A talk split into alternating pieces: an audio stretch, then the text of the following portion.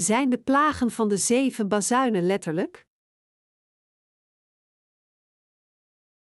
Openbaring 8, 1, 13 In Openbaring 5 verschijnt een geschrift met zeven zegels, welke Jezus neemt. Dit betekent dat Jezus al dus de verantwoordelijkheid en macht van God heeft gekregen en dat hij vanaf dat moment de wereld volgens Gods plan zal leiden. Openbaring 8 begint met de passage: En toen het het zevende zegel geopend had, werd er een stil zwijgen in den hemel, omtrent van een half uur. En ik zag de zeven engelen, die voor God stonden, en hun werden zeven bazuinen gegeven. Aldus opent Jezus het zevende zegel van het geschrift en toont ons de dingen die naderen. Hoofdstuk 8 begint met ons te vertellen dat de plagen van de zeven bazuinen zullen aanbreken met de gebeden van de heiligen. Vanaf vers 6 spreekt het hoofdstuk dan over de plagen van de zeven bazuinen die naar deze wereld gebracht zullen worden. De plaag van de eerste bazuin. De eerste bazuin vers 7. En de eerste engel heeft gebazuind, en er is geworden hagel en vuur, gemengd met bloed, en zij zijn op de aarde geworpen, en het derde deel der bomen is verbrand, en al het groene gras is verbrand. Het eerste ding dat we moeten ontdekken is of wij, de heiligen, te midden de zeven bazuinen zullen zijn die naar de aarde worden gebracht. Hier komen zeven engelen die zeven bazuinen blazen. We moeten ons realiseren dat wij op deze aarde zullen blijven en de eerste zes plagen van deze zeven plagen moeten meemaken. We moeten ons ook realiseren dat wanneer de zevende bazuin klinkt, we opgenomen zullen worden en dat dit gevolgd zal worden door de plagen van de zeven violen. Vers 7 vertelt ons dat wanneer de eerste engel zijn bazuin klinkt, hagel en vuur gemengd met bloed op de aarde zal regenen, waardoor een derde van de aarde en een derde van de bomen zal verbranden. Een derde van de wereld en de natuur zal met andere woorden verbranden. Zouden we verder kunnen leven wanneer de natuur dus in rook opgaat? Kunnen we werkelijk leven als we omgeven zijn door dit soort natuurlijk milieu dat tot de grond toe is afgebrand wanneer hagel en vuur gemengd met bloed op ons neerregent en de bomen tot aas keren? Wanneer we de grimmige werkelijkheid aanschouwen dat we onze huizen door deze regen van hagel en vuur gemengd met bloed verliezen, en dikke bossen en heuvels zien verbranden, zal niemand van ons verder willen leven, nog zouden we dat kunnen ook al zouden we het willen. Vergeet niet dat u en ik deze eerste plaag moeten doorstaan. Als we beginnen te begrijpen dat deze enorme plaag begint, moeten we ons ook realiseren dat de antichrist dan reeds op deze aarde is. Omdat zulke plagen zullen beginnen voordat de antichrist volledig opkomt om zijn absolute heerschappij over de wereld na te streven, zullen de wereldleiders een verenigd front vormen om de plagen te overwinnen en een zekere leider zal zeven andere heersers verzamelen om een grote macht te produceren. De antichrist zal dan heel natuurlijk opkomen als de absolute heerser in dit proces. Als de antichrist een grote bekwaamheid toont in het beheren en herstellen van de vernietiging van de natuur, zullen velen onder de indruk zijn van zijn macht, hem gaan volgen en hem als een goddelijk wezen zien en zijn volgelingen zullen, geleidelijk maar zeker verschijnen. De Bijbel zegt ons dat wanneer de eerste engel zijn bazuin laat klinken, het de eerste van de plagen van de zeven bazuinen zal brengen die een derde van de aarde zal verbranden. Zowel wij, de heiligen, en de mensen van de wereld zullen op deze aarde leven wanneer deze plaag treft. Wat zal er dan met de wereld gebeuren? Er zal chaos heersen in de wereld, waarin ruïnes, lijken en gewonden overal verspreid liggen. De dampkring zal bedekt zijn door rook en giftige gassen die geproduceerd worden door het meer van vuur dat de hele wereld overspoelt. En er zal te weinig zuurstof in de lucht zijn omdat de wereldomvattende woestijnvorming die veroorzaakt wordt door de brand, de capaciteit van de planeet zuurstof op te wekken, drastisch vermindert. De eerste plaag al zal deze wereld tot aas verminderen, en het is verwoestend genoeg om zelfs ons verlangen tot leven weg te nemen. Vanaf deze plaag moeten we een wijze keuze maken. Doordat we nu in een normale wereld leven, zijn we misschien bang geworden voor de enorme plagen en tegenspoed die komen gaan. Maar we kunnen verlost worden van deze angst en in plaats daarvan moedig worden, want een derde van de natuur van de wereld gaat in vlammen op en de mensen zullen overal jammeren. Lang voordat dit gebeurt zouden we reeds geweten hebben dat de plaag op komst was en dat er zelfs meer plagen zullen komen. Omdat we hoop hebben, kunnen we ervan vervuld zijn, maar omdat we ook het vlees hebben, kunnen we soms vervuld zijn door angst. Maar omdat we de toekomst van deze aarde kennen, plaatsen we onze hoop niet in deze aarde, maar in het koninkrijk van God. Met zulk geloof en door de inwoning van de Heilige Geest kunnen we moedig en dapper zijn. Het gejammer van de mensen van de wereld zal harder klinken en wij zullen ook rouwen als onze eigen families onder degenen zijn die niet de verlossing van hun zonde hebben ontvangen. Sommigen van onze eigen naaste verwanten die onverlost zijn van hun zonden, zullen ons zelfs aan de antichrist verkopen voor restjes eten. Anderen daarentegen zullen naar ons toekomen om te vragen hoe zij de verlossing van hun zonde kunnen krijgen. Dit is heel goed mogelijk, want ze kunnen dan nog steeds verlost worden. De Bijbel zegt ons dat een derde van de hele wereld zal sterven wanneer de plagen van de zeven bazuinen komen. Dit betekent ook dat twee derde van de wereld zal overleven. Als een derde van de wereldbevolking werkelijk verbrandt, zullen we ons realiseren dat de tijd van ons martelaarschap en de wederkomst van de Heer niet ver weg is. God zei dat Hij hagel en vuur gemengd met bloed uit de lucht zal laten regenen. Als God vuur en hagel over ons brengt, zullen we het niet kunnen voorkomen. Zelfs met de wetenschappelijke vooruitgang zou het niet mogelijk zijn om een defensief scherm waarmee we de hele wereld kunnen beschermen tegen vuur en hagel dat neerstort, te ontwikkelen en het in de dampkring te brengen.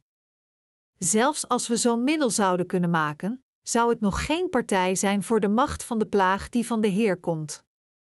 We moeten in ons hart het feit accepteren dat deze plagen inderdaad in werkelijkheid over ons zullen komen en we moeten onze huidige levens leiden door met ons hart in het hele woord van Gods belofte te geloven. Ik heb onlangs nieuws gehoord dat in China hagelstenen vielen die zo groot waren als een mensenhoofd, wel 45 centimeter in diameter. Met een enorme kracht vielen deze ijsblokken die zo groot waren als hoofden, waarbij ze gaten boorden in daken en alles vernietigden op hun pad. Hetgeen met de eerste plaag zal vallen, zal zelfs nog meer kracht hebben.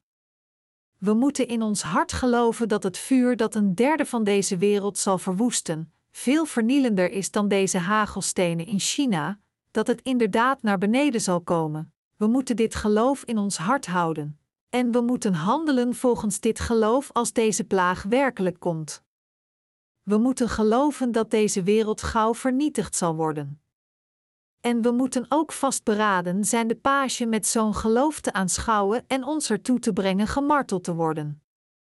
Wanneer de zeven bazuinen klinken, zullen de zeven plagen feitelijk naar deze wereld gebracht worden. Dit is de eerste van deze plagen. De plaag van de tweede bazuin gebracht door God. De tweede bazuin uit versen 8, 9. En de tweede engel heeft gebazuind, en er werd iets als een grote berg, van vuur brandende, in de zee geworpen, en het derde deel der zee is bloed geworden. En het derde deel der schepselen in de zee, die leven hadden, is gestorven, en het derde deel der schepen is vergaan.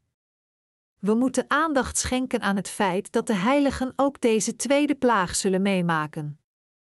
Het zegt hier dat iets als een berg in de zee geworpen zal worden, waardoor een derde van de zee in bloed keert en een derde van de levende wezens in de zee zullen sterven. Als het einde der tijden komt, zal de volgorde van het universum afbreken, waardoor de constellatie van de sterren wordt ondermijnd en ze met elkaar botsen en stuk slaan, en hierdoor zullen veel meteorieten naar de aarde vliegen, een botsing uitlokkend. Sommige van deze meteorieten zullen door de dampkring gaan en met volle kracht in de zee vallen, waardoor een derde van de zee in bloed keert, een derde van de levende wezens in de zee sterven en een derde van de schepen vernietigd wordt. Dit is de plaag van de tweede bazuin onder de plagen van de zeven bazuinen. Zullen we dan vis van de zee kunnen eten of er zelfs in kunnen zwemmen als dat gebeurt? Geen van beiden is dan nog mogelijk. Als een asteroïde zo groot als een berg in de zee valt, zal een derde van de zee in bloed keren, een derde van de levende wezens erin zal gedood worden terwijl ze de zee bederven met hun dode karkassen. En vloedgolven en aardbevingen zullen niet alleen de schepen verwoesten, maar ook vele mensen doden. Ik kan me herinneren een film gezien te hebben waarin een asteroïde in de zee valt en enorme vloedgolven veroorzaakt die de aarde bedekken. Ik ben ervan overtuigd dat de filmproducenten een levendig beeld van het einde der tijden in gedachten hadden toen zij deze film maakten. Dat grote rampen de aarde zullen treffen, is de waarheid die zelfs de ongelovigen gemakkelijk kunnen erkennen. Ontelbare mensen zullen gedood worden door de plaag van de vallende meteorieten. Maar slechts een derde van de wereld wordt vernietigd, u en ik zullen blijven leven op deze aarde totdat de plagen van de zeven violen worden uitgegoten. Mensen geloofden vroeger dat de opname zou plaatsvinden nadat de grote verdrukking over was, maar met de opkomst van de theorie van de vervoering voor de verdrukking gingen veel theologen in deze opname voor de verdrukking geloven. Erger nog, er komt zelfs amillennialisme op, wat het duizendjarige rijk ontkent. Theologen proberen nu slechts weg te rennen van zijn woord in hun onvermogen het hele woord van de openbaring aan te pakken. Degenen die hun hoop op deze aarde verloren hebben door de aankomende plagen, zullen in een sterk contrast vormen met de wedergeboren heiligen, die in plaats ervan de situatie zullen verdragen terwijl ze hun hoop slechts plaatsen in het duizendjarige rijk en de nieuwe hemel en aarde die door de Heer zijn beloofd. We moeten ons geloof voorbereiden terwijl het einde der tijden ons nadert. Maar in plaats daarvan praten veel mensen liever over de opname voor de verdrukking of het amillennialisme, waardoor ze proberen te voorkomen om het echte geloof te aanschouwen. Omdat zij geloven dat Jezus in de wolken terug zal keren als zij hun dagelijkse, ongestoorde leventjes leiden, en omdat zij geloven dat zij gelijk opgenomen zullen worden in het koninkrijk van God zonder door een van de plagen te moeten, bereiden zij hun geloof helemaal niet voor op de grote verdrukking. Op het eerste gezicht lijken degenen die relaxed zijn en zich niet voorbereiden op de grote verdrukking zelfs tamelijk moedig. De reden waarom de zondaars die niet wedergeboren zijn zo moedig lijken voor de grote verdrukking is omdat hun zielen dood zijn, omdat ze reeds te veel van de leugens van de valse profeten hebben gedronken en ze hebben geen geestelijke verlangens meer over. Om dezelfde reden, dat wil zeggen omdat hun zielen reeds dood zijn, horen de mensen niet het evangelie van het water en de geest dat hun in staat stelt wedergeboren te worden uit het water en de geest en het koninkrijk van God binnen te gaan. Johannes 3, 5. En ze verwerpen het zelfs. Maar de wedergeborenen moeten hun geloof voorbereiden op de verdrukkingen van het einde der tijden, hoe comfortabel hun huidige levens ook mogen zijn. Zij moeten zich voorbereiden op de toekomst door het verlangen om het evangelie te preken aan degenen die God getrouw zullen zijn, zodat zij in staat zullen zijn zoveel mogelijk zielen te redden in de tijd van de verdrukking. Het is ongelooflijk dwaas om de op handen zijnde komst van de grote verdrukking te negeren. Degenen die dat zullen doen, zullen hulpeloos zijn voor de plagen, net zoals wat er gebeurd is tijdens de Koreaanse oorlog. Voordat de Koreaanse oorlog uitbrak, hadden de Verenigde Staten de massale mobilisatie van het Noord-Koreaanse leger waargenomen en Zuid-Korea gewaarschuwd over een mogelijke plotselinge inval, maar de Zuid-Koreaanse regering en militaire regime negeerden de waarschuwing compleet en stuurden zelfs soldaten op verlof en ze lieten de hogere officieren van hun weekend genieten op de eigenlijke dag van de invasie omdat zij zich niet hadden voorbereid op een oorlog, ook al was de inlichtingendienst geïnformeerd over de Noord-Koreaanse invasie, waren ze niet in staat de aanval van het noorden af te weren en werden ze in een mum van tijd helemaal teruggedrongen naar het laatste front in de zuidelijkste hoek. Tegen de tijd dat Zuid-Korea haastig haar troepen terugriep van vakantie en het leger probeerde te organiseren voor de oorlog, was het front reeds binnengedrongen en hadden ze geen andere keuze dan zich met aanzienlijke verliezen terug te trekken. Dit is het soort ellende dat ons zal overkomen als we niet in het woord geloven dat God tot ons sprak over het einde der tijden. Maar als we er oprecht in geloven, kunnen we dit soort ellende ontsnappen. Openbaringen praat over een toevluchtsoord in de tijd van de verdrukking, maar het zegt ons niets over de precieze locatie. Desalniettemin vertelt het ons dat de heiligen in een toevluchtsoord beschermd en verzorgd zullen worden. Deze toevluchtsoord verwijst naar niets anders dan de kerk. Waar kan iemand een toevluchtsoord vinden in deze wereld? Sommige mensen zeggen dat zij kunnen overleven als zij naar Israël vluchten. Maar in Israël zullen ze zelfs nog ergere tegenspoed aanschouwen. U dient zich te realiseren dat de plagen daar zelfs intensiever zullen zijn, omdat de Antichrist zijn hoofdkantoor zal hebben in Israël. Ook al lijkt dit woord van de openbaring nu niet gelijk realistisch, maar u moet het desalniettemin in uw hart kennen en u voorbereiden op de toekomst. U moet met uw hart erin geloven en met dit geloof moet u het evangelie aan de mensen preken alsof u reeds in de tijd van de grote verdrukking leeft. U moet het hart van de mensen voorbereiden en ze naar hun toevluchtsoord leiden door het evangelie van het water en de geest aan hen te preken. God heeft ons in zijn kerken gehouden zodat wij aan de mensen zulke dingen die komen gaan, kunnen preken en ze kunnen helpen hun geloof op het einde der tijden voor te bereiden. Daarom doen wij de dingen die we doen, dat wil zeggen met al onze macht het evangelie van het water en de geest preken. We preken het woord van de openbaring niet in deze tijd om over onszelf op te scheppen, maar omdat het het woord is dat zo noodzakelijk is in de huidige tijd voor zowel de gelovigen als de ongelovigen. Slechts door dit geloof vanaf nu voor te bereiden, kan ons hart onverschrokken zijn als de verdrukking en de plagen over ons komen. God zal ons natuurlijk zijn speciale bescherming geven, maar omdat wij in een vreselijke, harde en moeilijke wereld leven, kunnen we het evangelie zelfs nog meer verspreiden als we weten wat er komen gaat in het einde der tijden en we kunnen ons geloof voorbereiden om de verdrukking te overwinnen. Ook omdat we nog meer vertrouwen en hoop in het koninkrijk van God zullen plaatsen, zullen we nooit weggevaagd worden door de stroom van de wereld of ons geloof verkopen, maar in plaats daarvan zullen we steeds meer geloofswerk doen. Daarom preken we het woord van de openbaring en dienen we de vele werken van het geloof. De plaag van de derde bazuin. De derde bazuin, versen 10, 11. En de derde engel heeft gebazuind, en er is een grote ster, brandende als een fakkel, gevallen uit den hemel, en is gevallen op het derde deel der rivieren, en op de fonteinen der wateren. En de naam der ster wordt genoemd Alsem, en het derde deel der wateren werd tot Alsem, en vele mensen zijn gestorven van de wateren, want zij waren bitter geworden. De heiligen zullen ook door deze derde plaag moeten.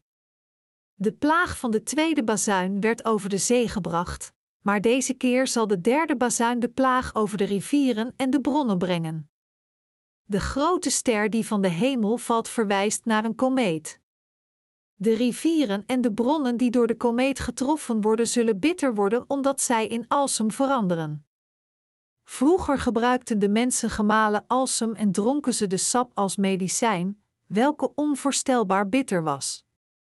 De Bijbel zegt ons dat terwijl dit bittere alsem zich over de watervoorzieningen van de wereld verspreidt, vele mensen zullen sterven doordat ze ervan drinken.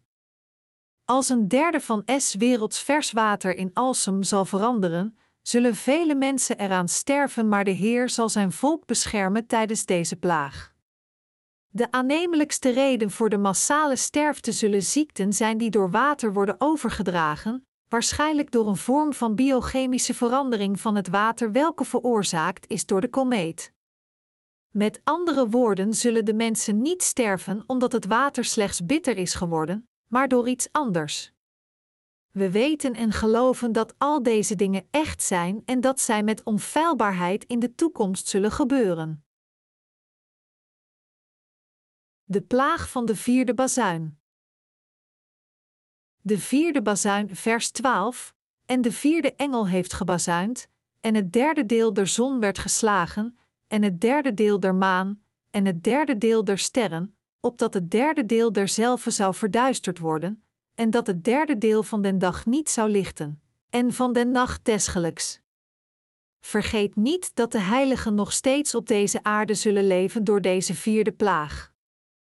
Als een derde van de zon niet meer schijnt, betekent het dat het daglicht van gemiddeld 7 tot 8 uur gereduceerd zal worden tot 4 uur per dag.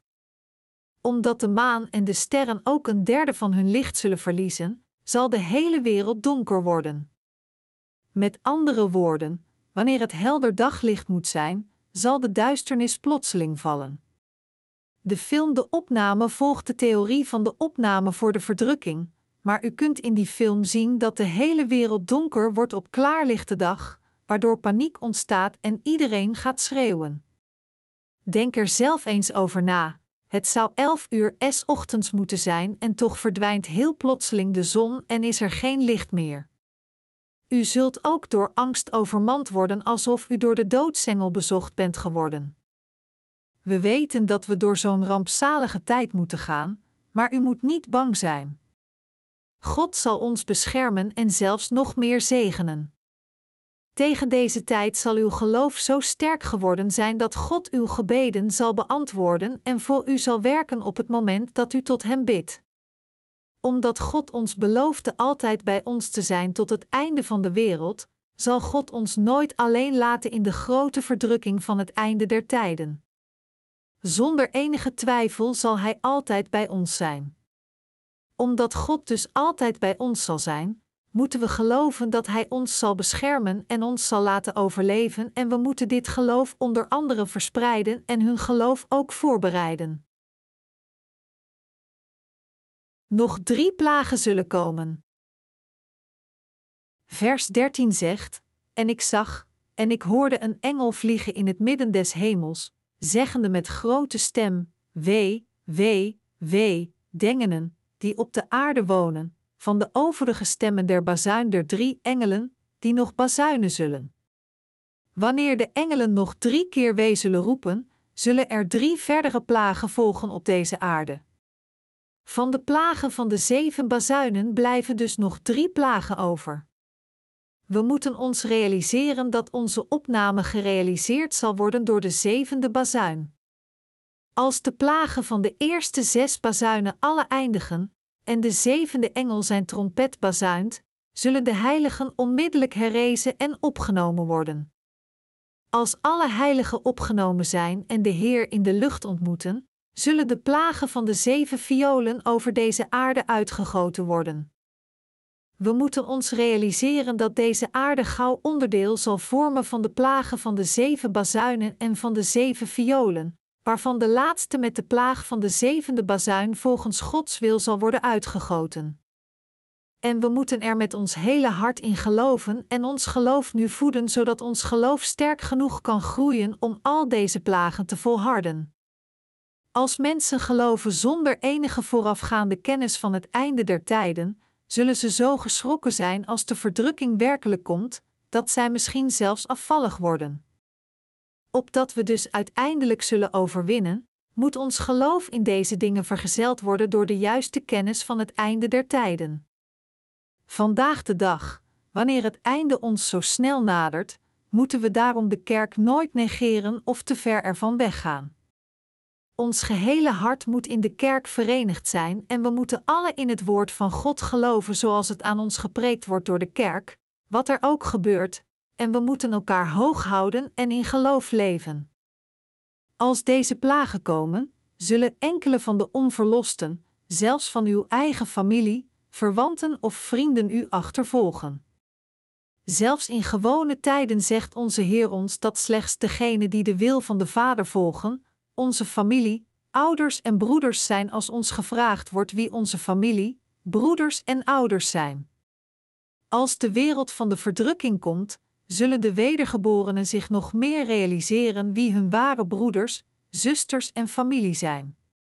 Omdat we elkaar begrijpen en helpen met dit geloof en omdat God u en mij reeds verlost heeft van al deze plagen, zal Hij over ons waken, ons beschermen van de plagen en ons in Zijn kerk als Zijn kinderen voeden. Dit geloof moet stevig in ons zijn aangeplant.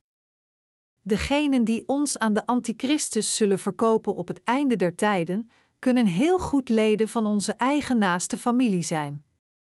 Dusdanig moet ons geloof sterk genoeg zijn om hen vanaf het begin als vreemden te beschouwen als zij niet wedergeboren zijn uit het water en de geest, ook al zijn zij onze familie en verwanten. Met andere woorden, zij zijn in staat veel ergere dingen met ons te doen dan zelfs echte vreemden.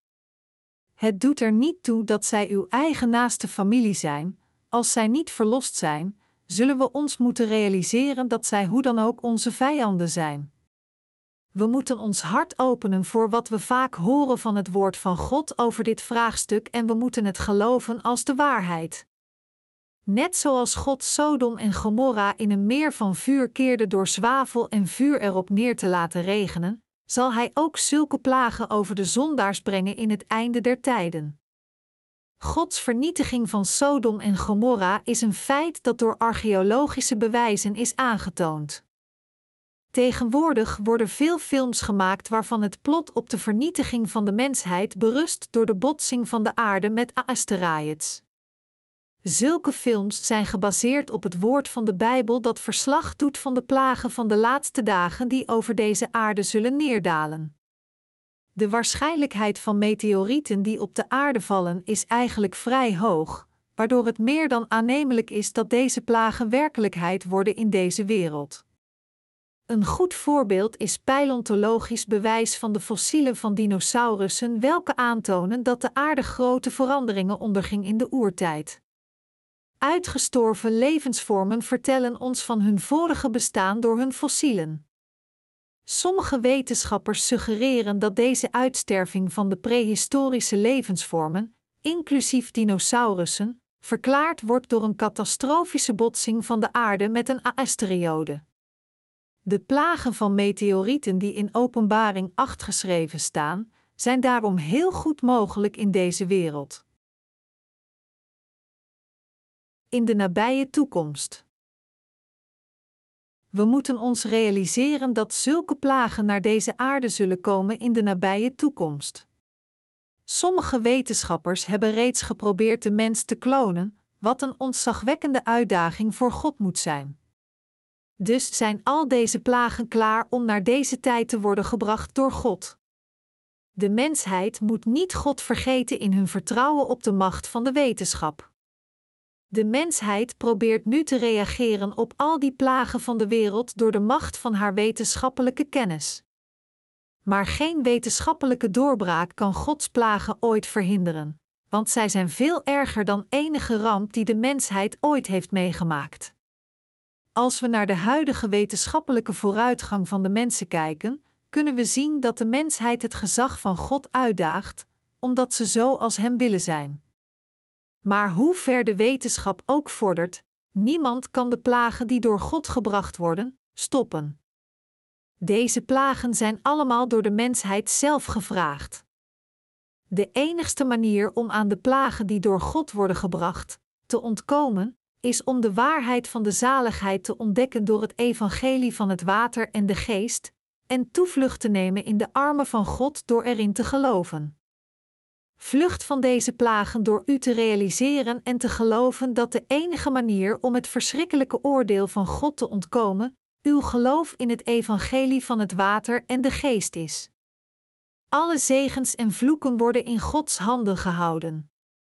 Als God besluit deze aarde te houden, dan zal de aarde verder leven, zo niet, dan kan het slechts vernietigd worden. Indien u het woord van God vollediger gelooft en volgt in dit tijdperk en hem nog meer vreest, zal God u naar het evangelie van het water en de geest leiden dat u zal beschermen tegen deze verschrikkelijke plagen die naderen. Zelfs nu sterven er vele mensen over de wereld en huiveren van angst door aardbevingen, tyfoons en ziekten. Bovendien is er geen einde van de oorlogen in zicht, met landen die tegen andere landen en staten die tegen staten vechten. Als dusdanig zullen veel mensen de antichrist volgen als hij in de nabije toekomst opkomt en de dringende problemen van zulke chaotische situaties oplost. Dat zal dan vergezeld gaan met het afdalen van de meest gevreesde plagen naar deze aarde, en op het einde zal deze wereld compleet vernietigd worden door deze plagen die door God gebracht worden.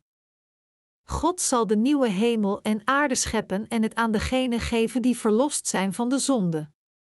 Het doel van Gods schepping van de nieuwe hemel en aarde is om het aan degenen te geven die wedergeboren zijn door in het evangelie van het water en de geest te geloven. Maar eerst zal God de eerste wereld vernietigen en de tweede wereld openen. Net zoals de oude dinosaurussen verdwenen, zo zal deze wereld van de moderne wetenschappelijke samenleving verdwijnen en zullen we met onze eigen ogen getuigen van het nieuwe begin van een nieuwe wereld die door God gebracht wordt. We moeten dan denken over hoe we nu moeten leven. We moeten geloven dat alle plagen zullen komen zoals ze in de huidige passage opgenomen staan en de rest van ons leven voor de rechtschapenheid van God leven, ons met geloof voorbereidend op de volgende wereld. We moeten het woord van de profetie van de openbaring kennen. Ik zeg dit nu omdat alle kennis die u dus heeft vergaard een enorm voordeel voor uw geloof zal bewijzen als de dag er is. Alle objecten in de ruimte die mogelijk met de aarde kunnen botsen, van de asteroïden die tussen Mars en Jupiter verspreid liggen tot de ontelbare kometen met onbekende cycli, worden gezamenlijk Near Earth Objects, NEOs, genoemd. NASA heeft ooit een lijst van 893 geïdentificeerde bekende NEOs alleen al in ons zonnesysteem bekendgemaakt. Als een van deze NEOs met de aarde zou botsen, zou de verwoesting die door deze botsing teweeg wordt gebracht, ongekend zijn. De noodlottige inslag zou waarschijnlijk groter zijn dan die van duizend atoombommen samen. Stelt u zich eens voor wat er dan met deze wereld zou gebeuren. Dat de bossen, het water en schepen van deze wereld vernietigd zouden zijn, is een vaststaand feit. De hele mensheid moet daarom in het evangelie van het water en de geest geloven en hun levens leiden terwijl ze zich voorbereiden op het eeuwige leven. De Heer heeft ons gezegd dat een derde van de zon, de maan en de sterren hun licht zullen verliezen wanneer de natuurlijke plagen naar deze aarde komen. Maar weinig mensen weten dit en zelfs nog weiniger geloven erin. Als dusdanig gelooft slechts een gering aantal mensen in het evangelie van het water en de geest en preekt de waarheid. Onze geest moet wakker worden. Deze plagen zullen inderdaad komen. We moeten uitzoeken aan welk geloof en vastberadenheid we ons moeten houden voor de rest van ons leven. U en ik moeten ons realiseren dat het huidige tijdperk slechts een steenworp verwijderd is van de grote verdrukking en we moeten onze resterende levens in geloof leven, zonder een spoortje twijfel in ons hart. Als we niet leven door in het woord van de profetie te geloven van deze verdrukking, zal ons hart leeg worden, ons doel zal verloren zijn en we zullen verlamd zijn door de zorgen van het leven. Dit mag niet gebeuren. Tegelijkertijd moeten we steeds minder hoop plaatsen in deze wereld, omdat we anders nooit deze wereld zouden achterlaten. Velen die een beetje wetenschappelijke kennis hebben, weten heel goed dat er geen hoop is voor deze wereld. God zal deze wereld zeker verwoesten. God zal het nieuwe koninkrijk van Jezus maken en de rechtschapenen erin laten leven.